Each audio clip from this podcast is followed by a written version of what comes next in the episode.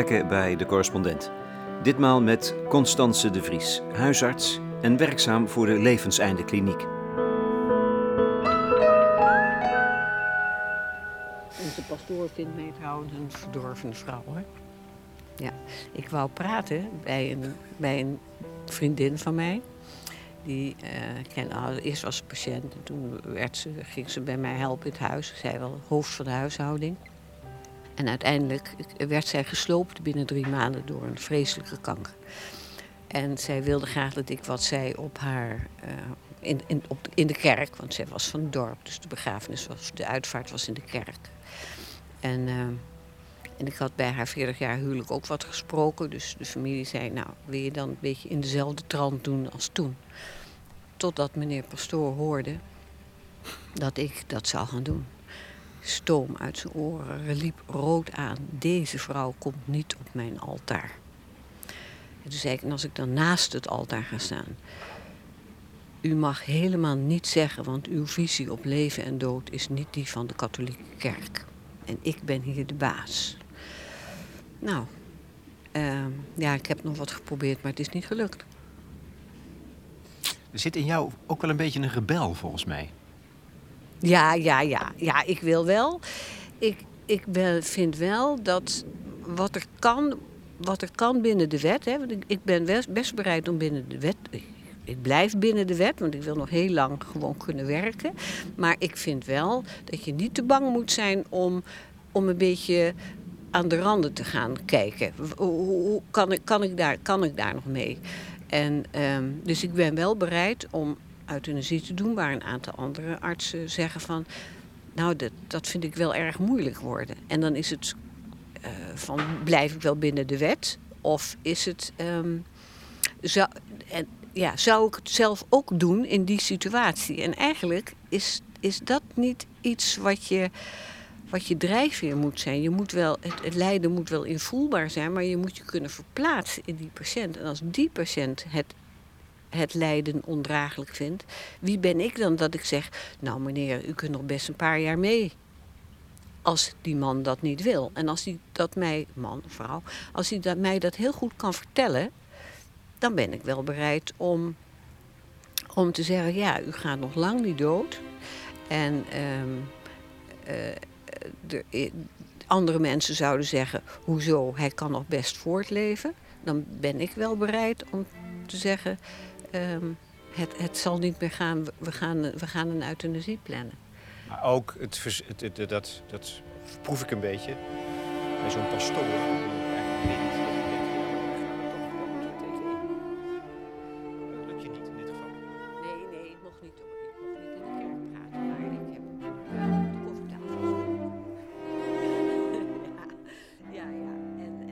Constance de Vries.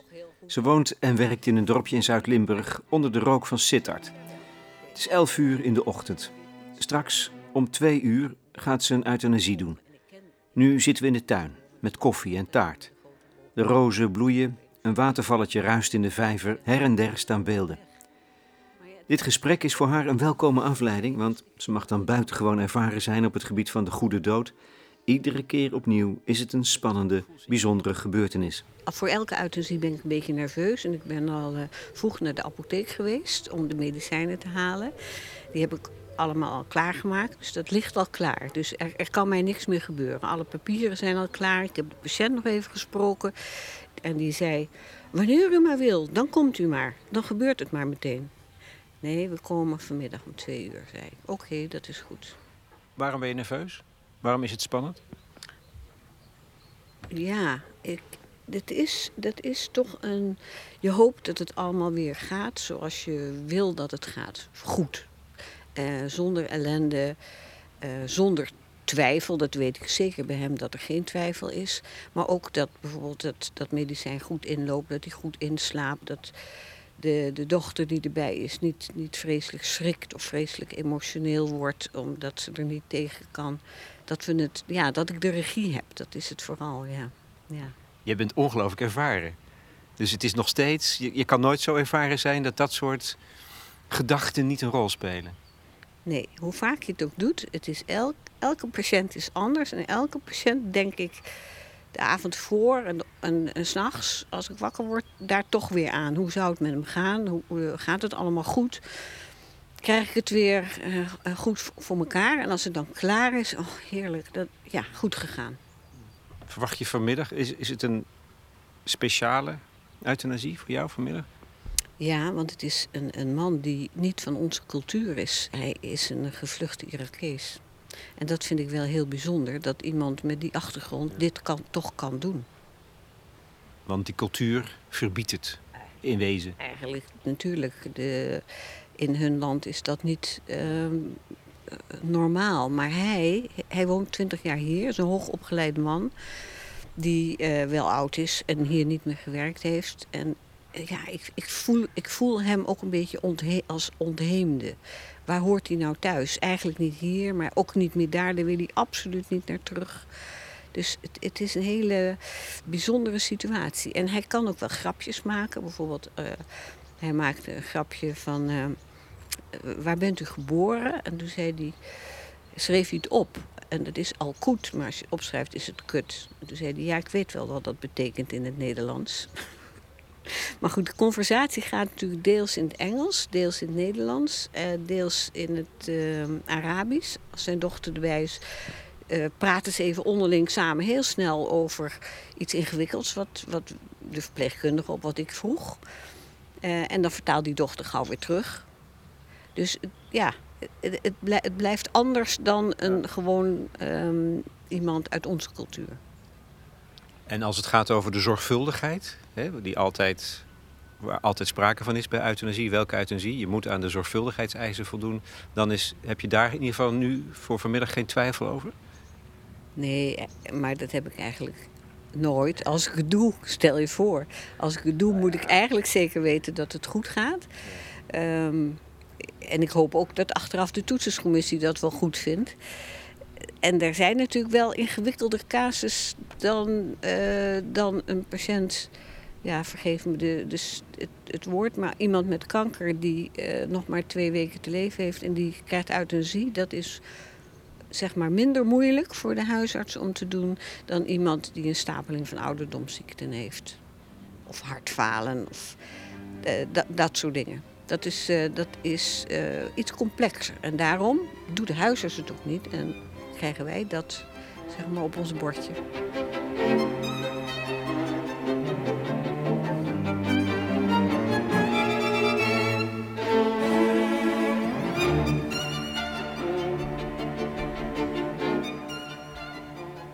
Vanaf het begin van het bestaan werkt Constance de Vries voor de Levenseinde Kliniek. Dat is een instelling gespecialiseerd in complexe gevallen van euthanasie. Ze werken ambulant en zijn altijd samen. Het zijn dus altijd een arts en een verpleegkundige die thuis euthanasie verlenen aan mensen die van hun eigen huisarts, om wat voor reden dan ook, geen hulp kunnen krijgen. Bij complex moet je denken aan euthanasie bij ernstige psychiatrische stoornissen, of een voltooid leven, of dementie. Op tafel ligt een boek dat onder auspiciën van de Levenseindekliniek is gemaakt, Mag ik gaan? Zeven portretten van mensen met een vorm van dementie en de wens om het leven te beëindigen. Het is gemaakt door de schilder Herman van Hoogdalen. De Vries was erbij betrokken als huisarts. Ik zei het al, ze is zeer ervaren. Hoe vaak heeft ze inmiddels euthanasie verleend? Nou, ik, ik tel ze niet. Ik, uh, ik weet dat er te veel zijn. En, en soms denk ik, ja, deze maand waren, waren het er wel twee. En ja, er zijn wel eens maanden van drie en er zijn maanden van één. Zo in die orde moet je het bedenken. En als je dan in het begin van de levenseindkliniek was het, eh, was het niet zo druk als het nu is. Als huisarts doe je het ook al, maar dan doe je het maar, zeg maar gemiddeld twee keer per jaar. Maar er staan daar rozen. Te bloeien trouwens. Wat is het? Heel zacht oranje is het. Zalm, ja. Die hebben ermee te maken. Ja, die rozen heb ik. ik, ik eh, ze ruiken heel lekker. En uh, ze bloeien lang. En um, ik denk dat ze hier al twintig jaar staan. En het andere bed, dat was, waren eerst rode rozen. En dat zijn nu ook dezelfde rozen geworden. En eigenlijk krijgen elke, elke patiënt krijgt van mij een roos als, hij, als ik hem euthanasie geef. Zo Zo moeten we het maar doen. Als we, als we euthanasie gaan uitvoeren. En die roos is dan een teken van dapperheid. Want ik vind het nog steeds ongelooflijk moedig als je durft te zeggen: dokter, maak er maar een eind aan. Geef mij die injectie of geef mij dat drankje. Want ik, moet er, ik, ik weet niet wat, wat ik zelf doe. Dan denk ik dat ik wel redelijk geprogrammeerd ben daarop. Maar ik weet toch niet wat ik zelf zou doen.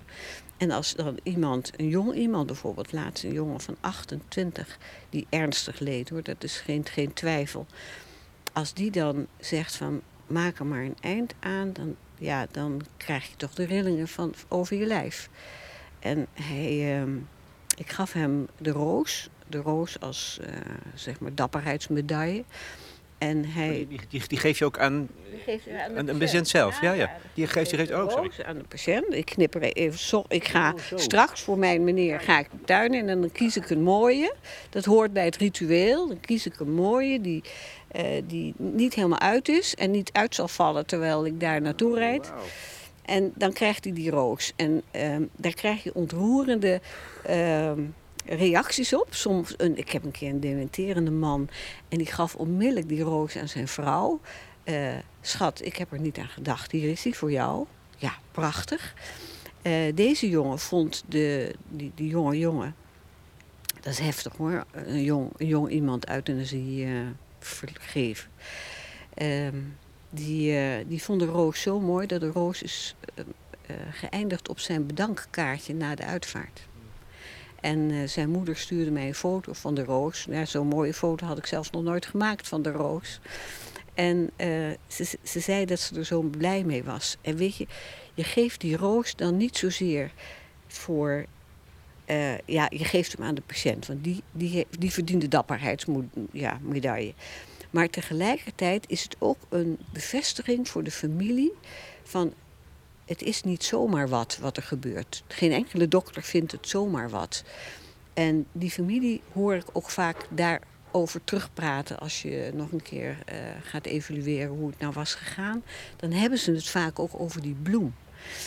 En het, ja, het is ook nog een gebaar als, als de forensisch geneeskundige geweest is, die altijd komt na een uh, euthanasie om de omdat het een onnatuurlijke dood is en ik dan niet de dood mag vaststellen. Wat ik wel doe natuurlijk. Maar de forensische geneeskundige hoort het formele deel te doen. En als die dan weg is en wij halen dat naaldje er weer uit, want dan hoeft niemand meer te zien wat er gebeurd is, dan leggen we die roos weer terug in de handen van de patiënt. Of ik stop hem in zijn overhemdzakje als het een beetje deftiger meneer is. Of een niet-gelovige man. Of... Nou, dus die roos die, die, die leeft ook wel voort bij de mensen daarna. Die, die roos, en ze zijn echt prachtig, groot, vol, bloeiend en ze ruiken heerlijk. Het gaat dus op dit moment van de eindigheid. Dat pijn, het gaat over ziekte, ellende, leed, lijden, verlies. En jij zet het een gebaar tegenover, dat gaat over schoonheid en liefde, waar die roos symbool voor staat. Ja, nou ja, de liefde had ik niet zo bedacht, want ik vermijd dus altijd wel de rode roos. Maar, uh, uh, want ze bloeien natuurlijk van, deze rozen bloeien van april tot november. En de laatste, er mag niets gesnoeid worden tot echt de laatste eruit is.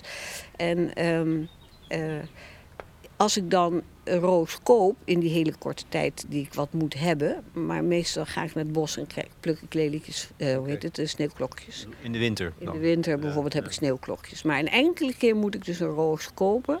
En dan koop ik dus dezelfde kleur. Alleen ruiken nooit zo lekker. Ja. Maar, eh, dat is toch niet voor niks? Dat je daar schoonheid aanbiedt. Ja. En een symbool van, nou ja, van, van, van het goede van het leven. Laat ik het dan zo nou, noemen. Ja, toch, toch liefde, waardering, uh, uh, zoiets. Ja, dat, uh, en, en niet alleen waardering van... Ik bedoel, ook waardering van iemand die geacht wordt hier... Ehm, toch redelijk afstandelijk mee om te gaan. Dat het niet zo afstandelijk is als, uh, als mensen zouden kunnen denken. Het blijft een, uh, een hele bijzondere daad. Ja. Ook voor jou? Ook voor mij, ja zeker. Ja, nog steeds. En vanavond ben ik weer opgelucht, drink lekker een glaasje wijn. Sta jij op goede voet met de dood? Ja, dat weet ik dus niet. Of ik, ik, ik denk dat als je zelf uh, zover bent, dat het heel wat anders is. Ik hoop dat ik hem kan beheersen. dat ik de regie kan houden. En dat, dat, dat is wel iets wat veel mensen uh, hebben. Hè. Ik ben nu, deze week heb ik toevallig dienst als scanarts. Dienst als scanarts, dat moet ik toch nog even uitleggen. Bij wet is vastgelegd dat bij elke euthanasie een tweede arts wordt geraadpleegd, die een onafhankelijk oordeel vormt en schriftelijk rapporteert of aan de zorgvuldigheidseisen is voldaan. Deel van het werk is steun bieden trouwens, dus steun en consultatie bij euthanasie in Nederland. Artsen worden daar speciaal voor opgeleid. En, ehm, en ja, ik was bij, bij een paar patiënten die het gewoon de regie willen houden. Niet afhankelijk zijn, geen ontluistering. Ik ben het voor. Voordat de hersenmetastase mijn denken beïnvloeden. Ik, ik wil helder blijven. Ik wil niet te veel morfine. Uh, ik wil de regie houden. En dat is wel natuurlijk iets van deze tijd. Hè? Ja. En voor jou ook, begrijp ik? Ja, voor mij ook natuurlijk. Maar dat, dat is de dood als monster. Die het je afpakt. Je waardigheid en alles. Is dat de dood? Want jij gaat er je bent er vertrouwd mee als huisarts. Je, gaat er, je hebt er zoveel mee te maken, relatief natuurlijk. Ik denk, zou het dan, is het dan iedere keer een nederlaag? Nee, het is natuurlijk geen nederlaag. Het enige wat je zeker weet als je geboren wordt, is dat je doodgaat. Dus, je, maar ik, ik probeer wel die dood ehm, niet, niet zo monsterachtig te laten zijn. En als je erover praat en als je het voorbereidt, dan denk ik dat je, dat je er beter mee kan omgaan. En dat is wel iets van deze tijd. Ik, ik heb wel eens een patiënt gehad waar ik niet mocht praten over het doodgaan van de mevrouw. Dacht ik, dat, is toch oneerlijk? Ik, ik mag niet zeggen wat, wat ik denk dat er gaat gebeuren binnen een maand.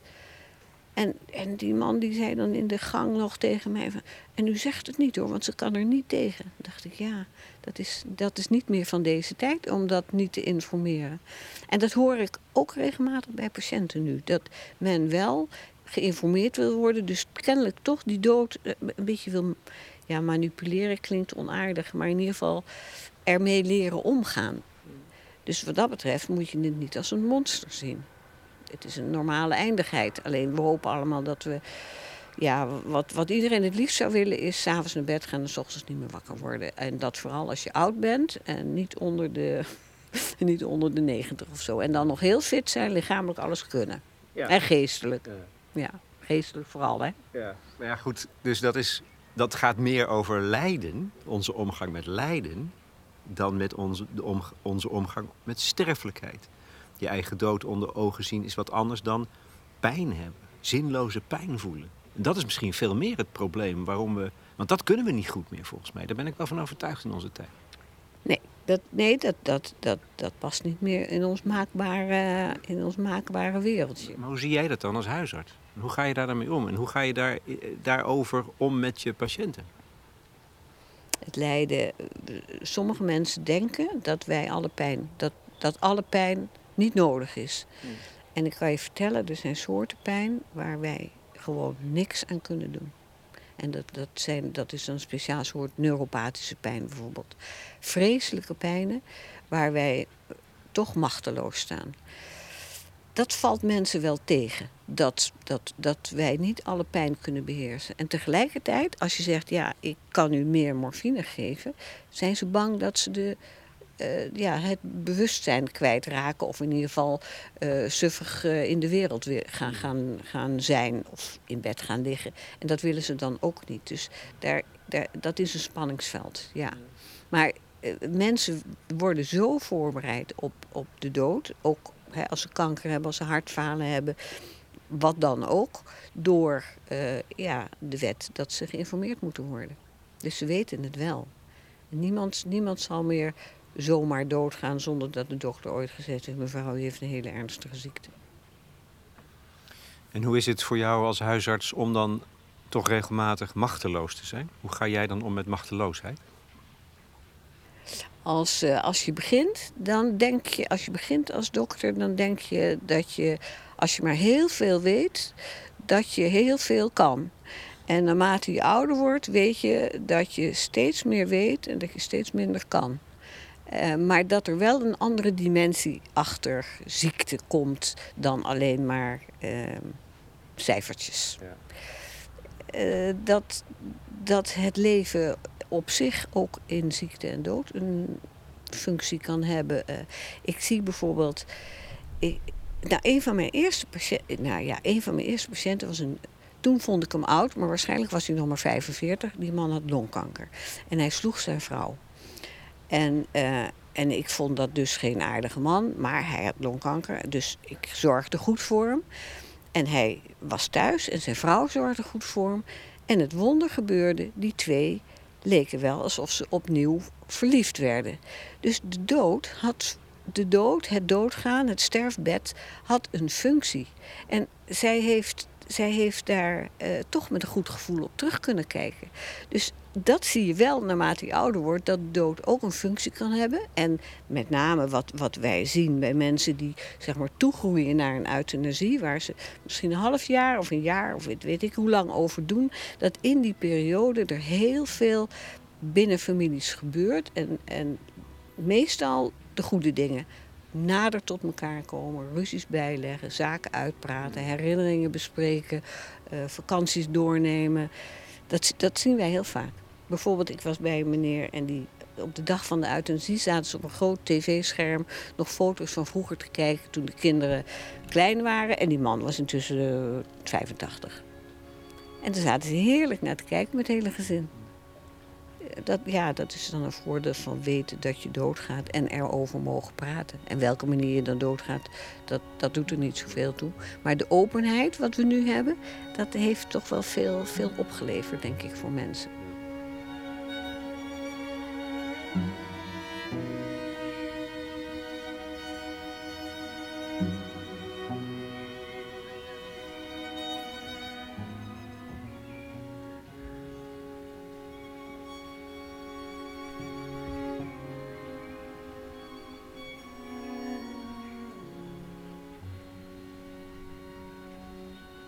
We lopen even naar binnen.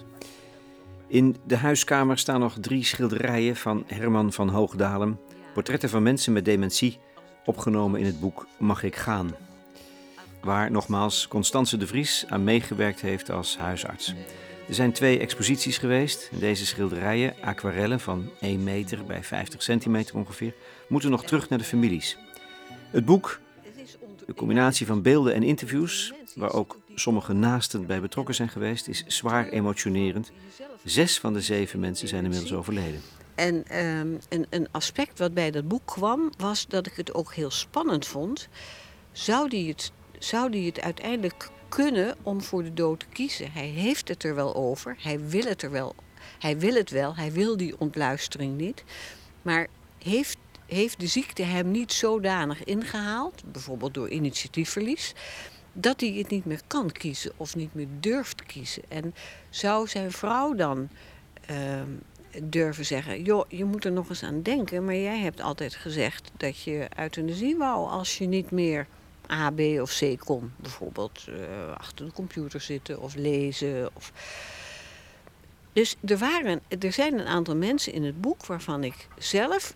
Het, voor mij was het dus bijna spannend van hoe loopt het af? Want tijdens het maken van die schilderijen leven ze allemaal nog. En praten wij. We praten met die mensen. En Herman zit erbij en schildert en maakt foto's.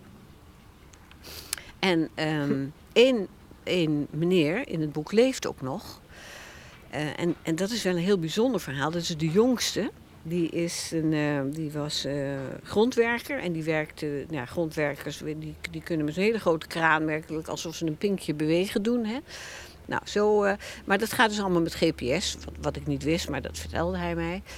En hij wilde dood op de dag dat hij 55 werd, want dat was een mooi rond getal en dan, dat was goed.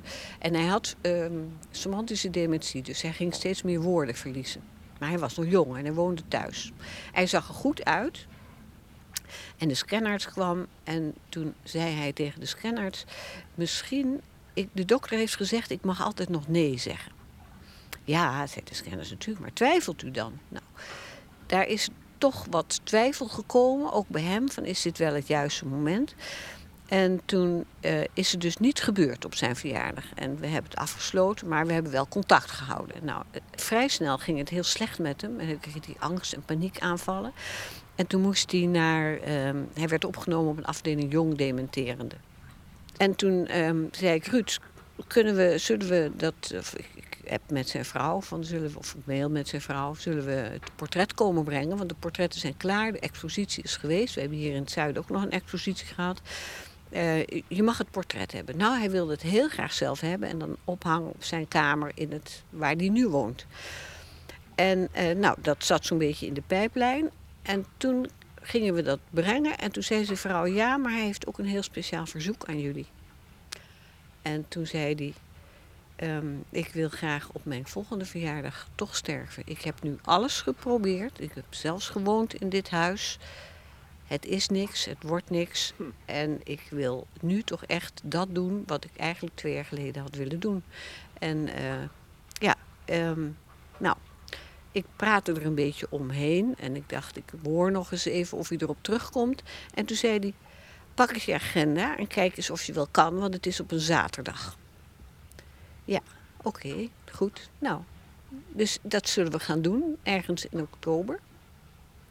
En ik, ja, wij houden nu weer contact, dus we gaan bij hem op bezoek. Maar hij kan het nog steeds heel goed verwoorden. Nou, zo liep het bij hem. Loopt het misschien bij hem af, dat weet ik nog niet.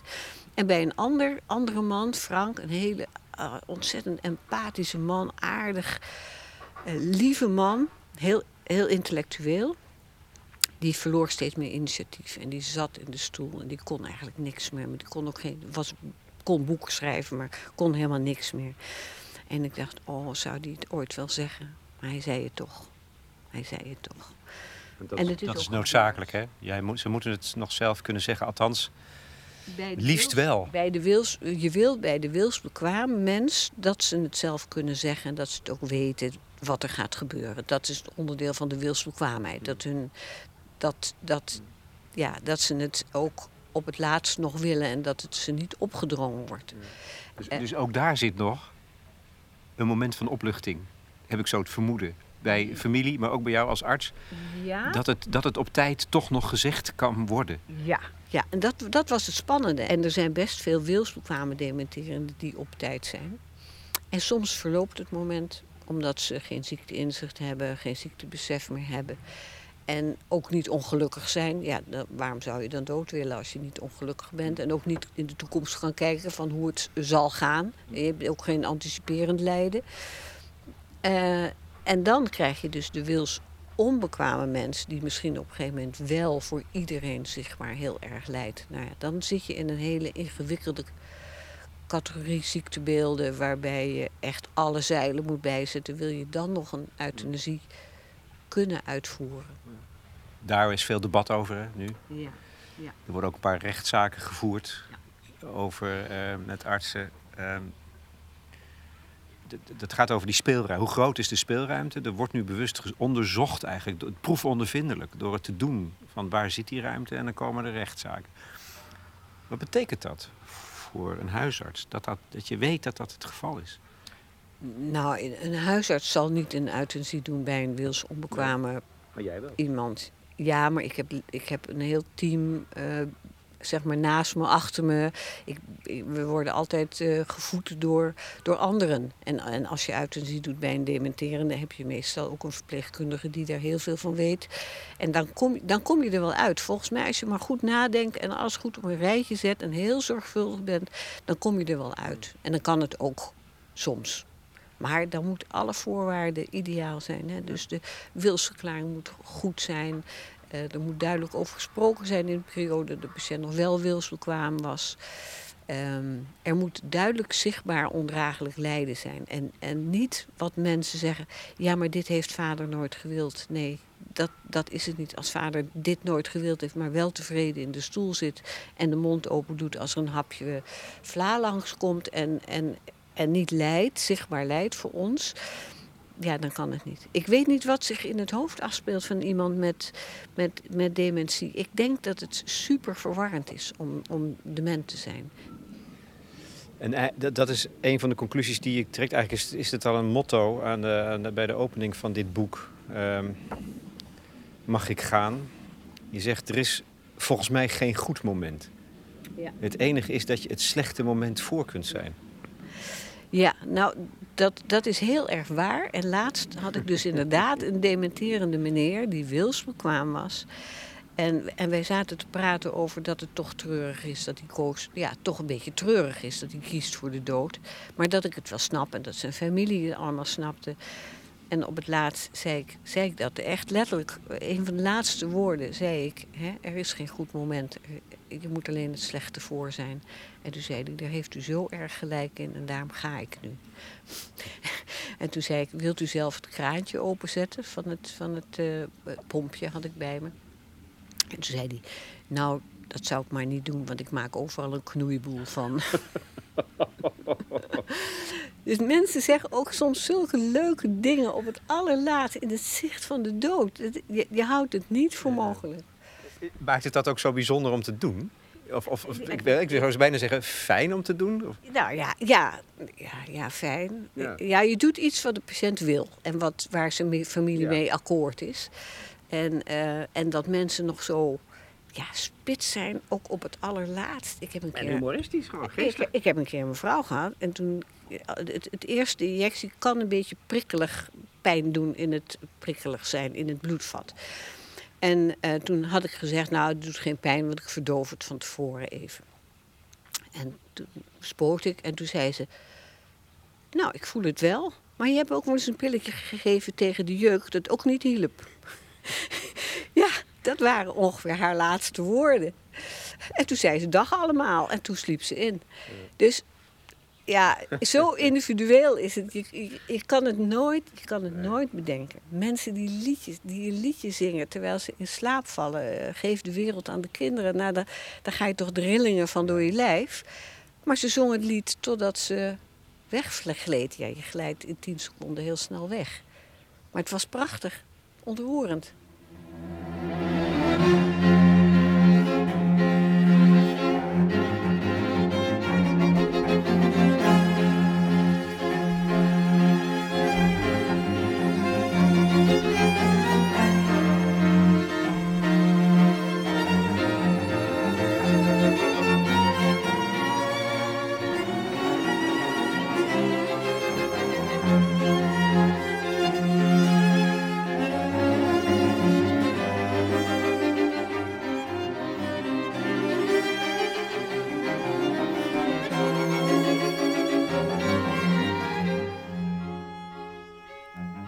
terug naar het boek.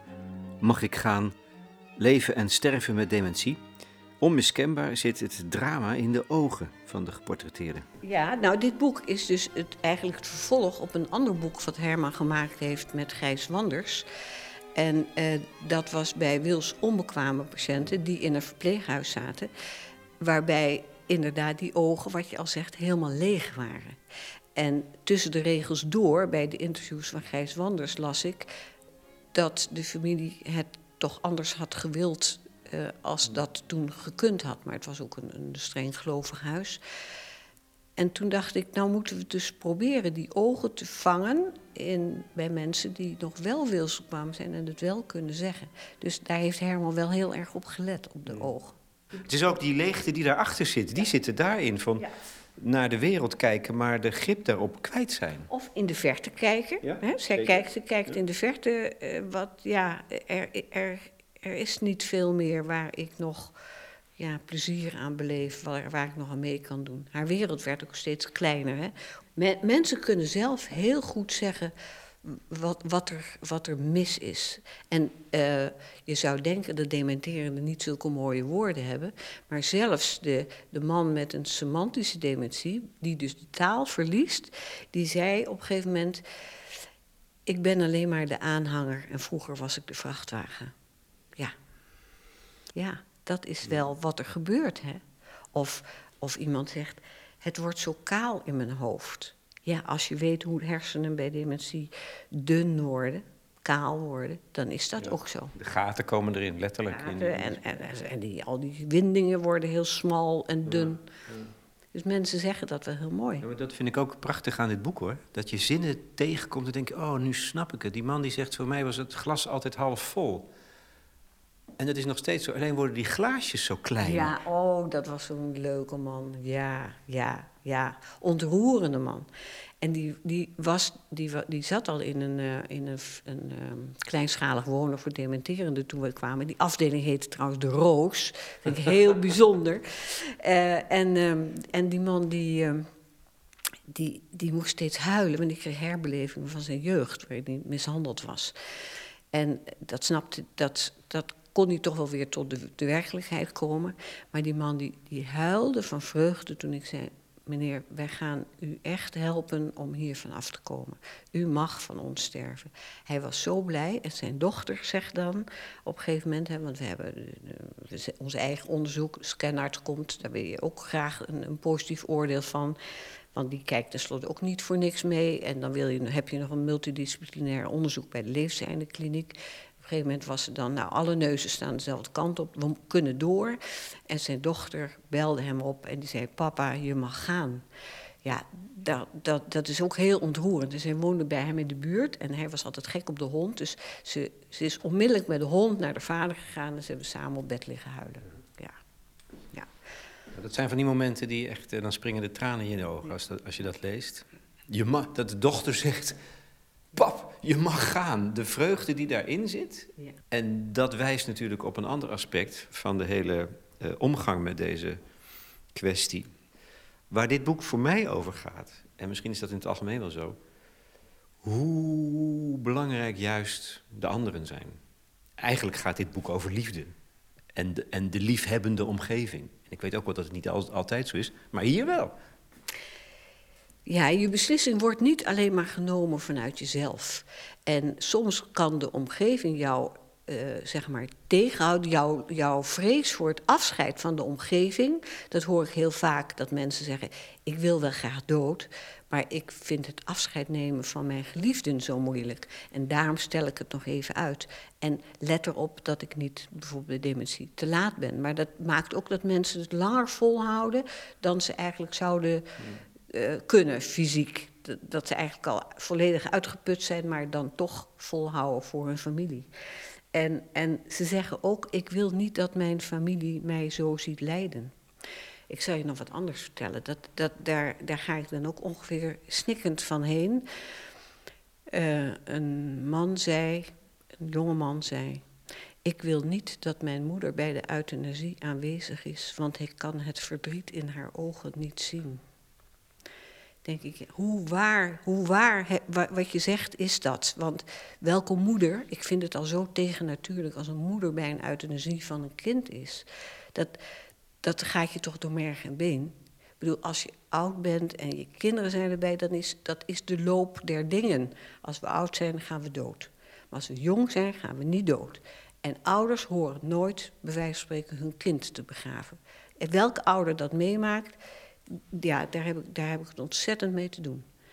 En dat als een kind of een jonge man, een jonge man dit weet te zeggen, dan vind ik dat zo ongelooflijk knap.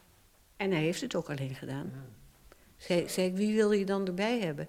Ja, alleen uh, de dokter en de verpleegkundige. En daarna komen de anderen. Dat is een verantwoordelijkheid hè, van jullie dan? Uh, ja, ja, ja. Zo, zo gaat het. Zo gaat het, als, of ze erbij zijn of niet bij zijn. Ik heb ook wel eens een uitnodiging gedaan met twaalf kinderen en twaalf schoonkinderen erbij. Dat was ook prima. Maar ja, dat was een, oud, een oude vrouw. Dat was, hè, daarna werd, werd een borrel gedronken. En het perspectief verleggend naar de familie, de nabestaanden, de vrienden. Er wordt met heel veel liefde gezorgd in deze eh, gesprekken, in deze relaties. Voor de partners, voor de vaders, de moeders. Um, en daar zit het verlangen in om te behouden, vast te houden, niet uit het leven te laten vertrekken. Dus ook in die fase van de dementie. En dan is er, dat is er, en tegelijkertijd dus ook liefde in de beslissing om het wel te doen. En om mee te gaan in het verlangen naar, naar de dood van de ander. Dat vind ik, ja, dat vind ik in diepste wezen, geloof ik, uh, ja. ontroerend. Nou, je ziet vaak in advertenties, dat valt mij op, want ik kijk altijd overlijdensadvertenties, dus een tik. Maar ja, die, die kijk ik, die, die zie ik. En daar staan dan heel mooie woorden in, en, uh, maar onder andere in liefde losgelaten. En zo is het ook. Dat is ook echt waar, volgens Ja, mij. dat is, ook, dat, is ook, dat is ook echt waar. Maar het is En natuurlijk tegenstrijdig, toch? Hè? Dat je loslaat, maar dat het een daad van liefde kan zijn. Ja, maar ik ik vind ook die familie, hè, dat, die, dat die niet zegt van pa, je moet hier blijven, want ik kan jou niet missen. Dat, dat, dat is veel egoïstischer als iemand dat zegt. Dan zegt pa, ga maar, want dit wordt inderdaad ellende. Eh, En op welke manier dan ook. Met, met, als het een, een kankerpatiënt is, of een hartfalenpatiënt, of een longpatiënt die steeds maar benauwder wordt. Ga maar, het mag van mij. Het is goed.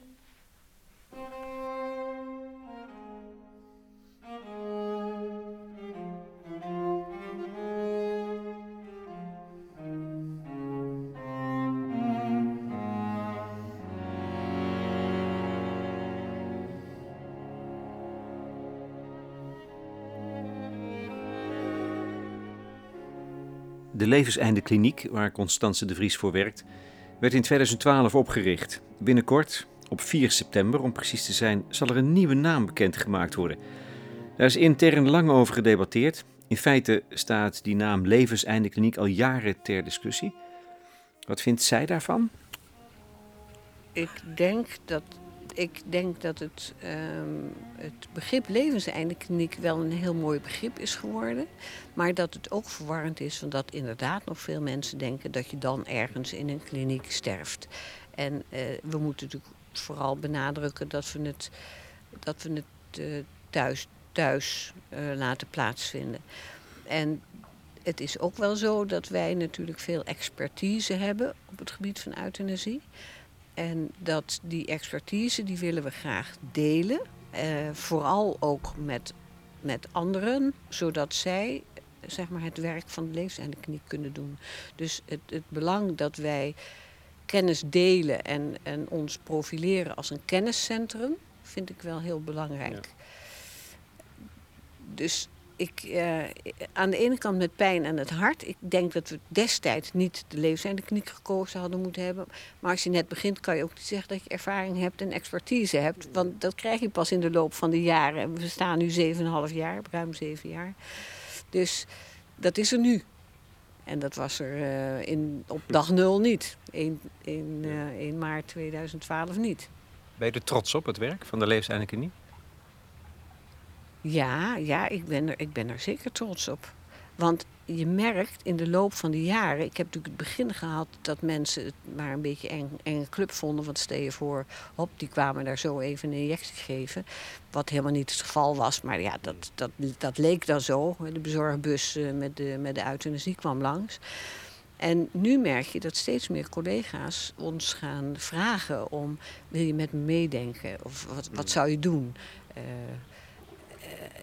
bijna per week krijg ik wel een telefoontje van een collega, een specialist oudergeneeskunde hier uit de, uit de buurt, met een dilemma van wil je meekijken? En het is me nu vorige week en afgelopen week gelukt om een huisarts net dat steuntje in de rug te geven om toch de euthanasie bij de patiënt zelf te gaan uitvoeren.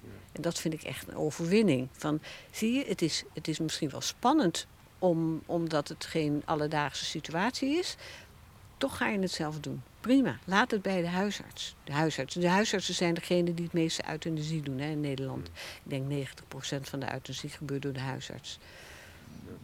Mijn collega bij de correspondent als correspondent is Henk Blanken, die aan Parkinson leidt. Ja. Eh, nou ja, veel schrijft over euthanasie, zijn eigen euthanasie zelfs. En hij heeft een voorstel gedaan als het gaat over die diepe dementie, waarbij je eigenlijk niet meer wilsbekwaam bent, dat er een rol kan zijn voor nabestaanden. Dat is een vrij controversieel voorstel. Hij gaat er ook een pamflet over publiceren. In oktober komt het uit. Wat vind jij daarvan? de rol van eh, de familie, als je zeker weet, hè, dat, dat is natuurlijk wel een voorwaarde. Als je zeker weet dat die rol zuiver is en liefdevol is. En dat kun je niet in één gesprek doen. En dat wil je dus ook liefst door de huisarts, eh, die de patiënt misschien al 30 jaar kent, eh, eh, laten beoordelen. Dus je wil, je wil die familie zeker een belangrijke rol, rol geven. Want ik, ik, jij, ja, ik kan ook tegen mijn man zeggen: Jij weet wat ik wil, als het zo en zo is, dan mag jij dat voor mij beslissen. En dat zegt hij ook tegen mij. Wij zijn al zo lang getrouwd, als mij wat overkomt, mag jij daar helemaal over beslissen. Het, het wil het is heel moeilijk als je die familie dan zeg maar het, uh, het recht geeft om te beslissen over euthanasie. En dat is, waarom is dat moeilijk? Nou, dat, dat is gewoon niet zo. Euthanasie is iets wat je zelf moet beslissen. Maar, uh, en als volmacht mag het dus ook niet. Je mag wel zeggen, ik wil niet dat mijn vader behandeld wordt. Of ik wil niet dat mijn vrouw uh, um, gereanimeerd wordt. Dat mag je allemaal zeggen, van stop bij reanimatie. Dit wil ze niet, dat weet ik heel zeker. Dat is een andere vorm van beëindiging van de behandeling dan een euthanasie. En dat staat in de wet dat alleen de patiënt dat kan vragen. Maar goed, dat is dus een juridisch bezwaar, maar ethisch, zou je het ethisch kunnen voorstellen? Dat betekent dat als je het wil doen, dan moet je de wet veranderen, maar kan je uh, ja, als die patiënt aan al die voorwaarden voldoet van ondraaglijk lijden, uh, wat, ik, wat ik denk dat ik kan beoordelen als familie, eh, dan zou ik dat, dan zou ik dat wel toejuichen. Maar het heeft, het heeft heel veel valkuilen en, en juristen kijken natuurlijk altijd naar de dingen die er mis kunnen gaan. En wij artsen zijn gewend om te kijken naar de dingen die wel goed gaan. Dus wij denken, dat, kunnen we, dat, gaat, dat zal wel goed gaan. En dat zal niet zoveel voorkomen. Want welke familie zegt nou, ja, maak er maar een einde aan aan het leven van vader. Dat, dat is natuurlijk uniek dat je dat zou zeggen. Dan moet het dus wel heel erg zijn. Wil je dat zeggen? Als je hier aan, arriveert aan huis, dan uh, staan er een paar beelden van uilen. Houten, in uit hout uitgesneden uilen. Symbool van de wijsheid. Is dat zo? Ben jij wijs? Eh, nee, uh, er staat ook een, een valk. Het zijn niet allemaal uilen, het is één uil. Het zijn drie vogels, de bomen zijn doodgegaan. En we dachten, we maken, we maken er wat moois van. We maken wat moois van de dood. Ja, ze waren te ver teruggesnoeid, toen gingen ze dood. En nu hebben we de vogels van gemaakt. vrijheid, weg kunnen vliegen, maar niet speciaal wijsheid. Nee, ik ben ik, ik, ik, ik zou mezelf niet als wijs mens kunnen zien. Ik vind me wel ervaren, maar niet wijs. Nee, eh, vrees van niet. Maar na dit gesprek, Constance uh, de Vries, snap ik wel dat het gebaar dat je straks ook gaat maken met die roos, hoe ongelooflijk uh, betekenisvol en, en waar en waarachtig dat is. Ja, voor de, voor de man zelf, waarbij ik dus ook benieuwd ben hoe hij reageert als hij een bloem van een vrouw krijgt. Want dat is ook al apart. Uh, maar ik denk dat het voor zijn dochter, die dus alleen deze hele zaak moet opknappen, uh, emotioneel gezien, dat het ook van waarde is. Alle goeds dan straks. Ja. Kan niet, sterkte, misschien dapperheid, moet ook. Wat wens je dan? Sterkte, Wat... sterkte, denk ik. Sterkte. Ja, en uh, uh, mijn man zegt wel eens als ik terugkom, ging het goed? En hij vraagt dat meestal, uh, gaat het goed? Ging het goed? En in het begin kreeg ik altijd troostvoer van hem. Dat was troostvoer, hij kan heel goed risotto maken. En dan zei ik, um, het was weer het regisseren van de emoties, zowel van de patiënt als van mij. Dankjewel.